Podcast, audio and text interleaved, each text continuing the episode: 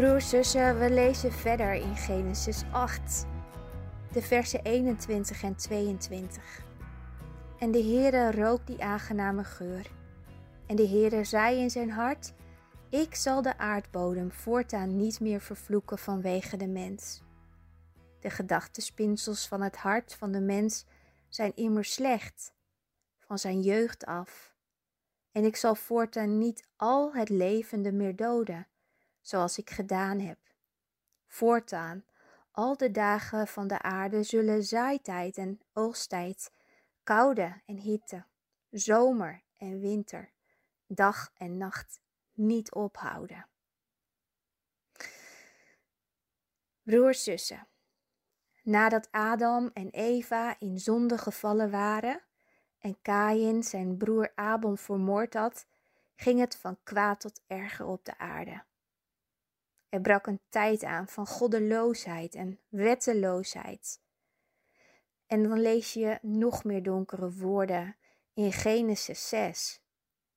Er staat: Toen kreeg de Heere er berouw over dat hij de mens op de aarde gemaakt had, en het bedroefde hem in zijn hart. En even later besloot God om alles en iedereen op de aardbodem te vernietigen. Nou ja, iedereen, Nee, Noach vond genade in Gods ogen, lezen we in Genesis 6, vers 8.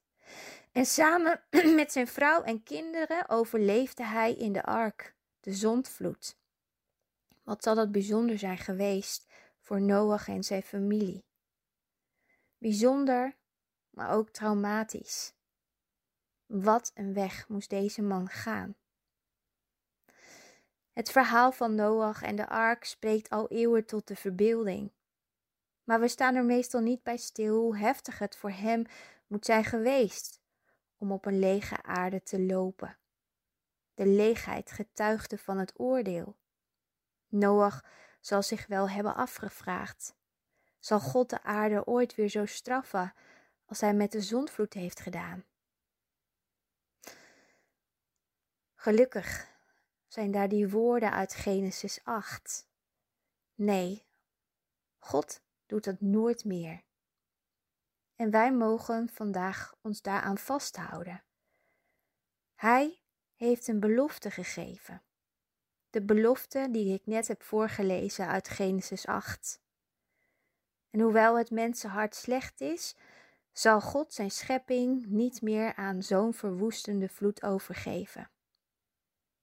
Maar wat doet hij dan wel? Nou, dat lezen we in het Nieuwe Testament. In 2 Petrus 3, vers 13. Wat hij wel doet, is dat hij zijn schepping zou vernieuwen. Hij maakt alles nieuw. Wat een belofte, niet waar? Zeker ook in een tijd waarin we zien dat de goddeloosheid en de wetteloosheid toeneemt.